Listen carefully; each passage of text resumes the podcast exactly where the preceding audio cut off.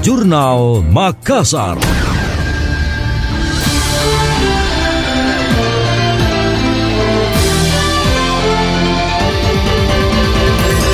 Hari jadi ke-353 tahun Provinsi Sulawesi Selatan yang jatuh pada 19 Oktober 2022 disambut hangat pihak pelaku industri pariwisata. Hotel-hotel dan restoran yang tergabung dalam PHRI akan memperlakukan potongan harga pada fasilitas tertentu berlaku sejak tanggal 14 Oktober hingga akhir Oktober.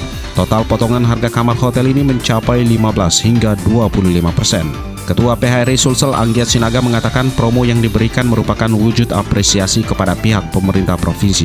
Terlebih rangkaian acara Hari Jadi Sulsel ke-353 nantinya bertabur kegiatan yang dapat mendongkrak sektor pariwisata. Tidak hanya PHRI, Ketua Asita Sulawesi Selatan Didi Leonardo Manaba menyampaikan jika pihaknya juga menyiapkan paket khusus perjalanan wisata. Destinasinya adalah sejumlah desa wisata yang ada di Sulawesi Selatan, seperti Maros, Takalar, dan Jeneponto. Totalnya sebanyak 15 desa wisata yang akan dimasukkan dalam program promo tersebut. Badan Meteorologi, Klimatologi, dan Geofisika BMKG Wilayah 4 Makassar menyebutkan wilayah Makassar dan sekitarnya telah dilanda cuaca ekstrim musim hujan dalam beberapa hari terakhir.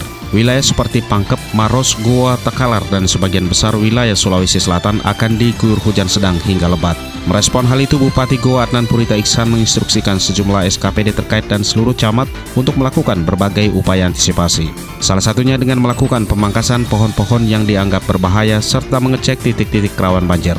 Tidak hanya itu, ia juga memerintahkan Dinas PUPR untuk memperhatikan saluran-saluran yang ada. Sebab masuknya musim hujan kali ini diprediksi lebih cepat dengan intensitas yang cukup tinggi.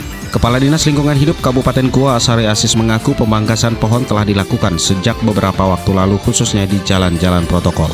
Selain pemangkasan pohon, dirinya telah berkoordinasi dengan seluruh camat agar bisa melibatkan masyarakatnya di wilayah masing-masing ikut serta dalam mengantisipasi cuaca ekstrim.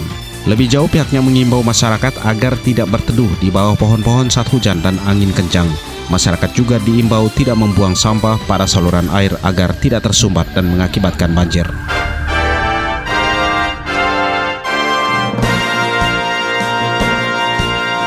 Demikian tadi, Jurnal Makassar.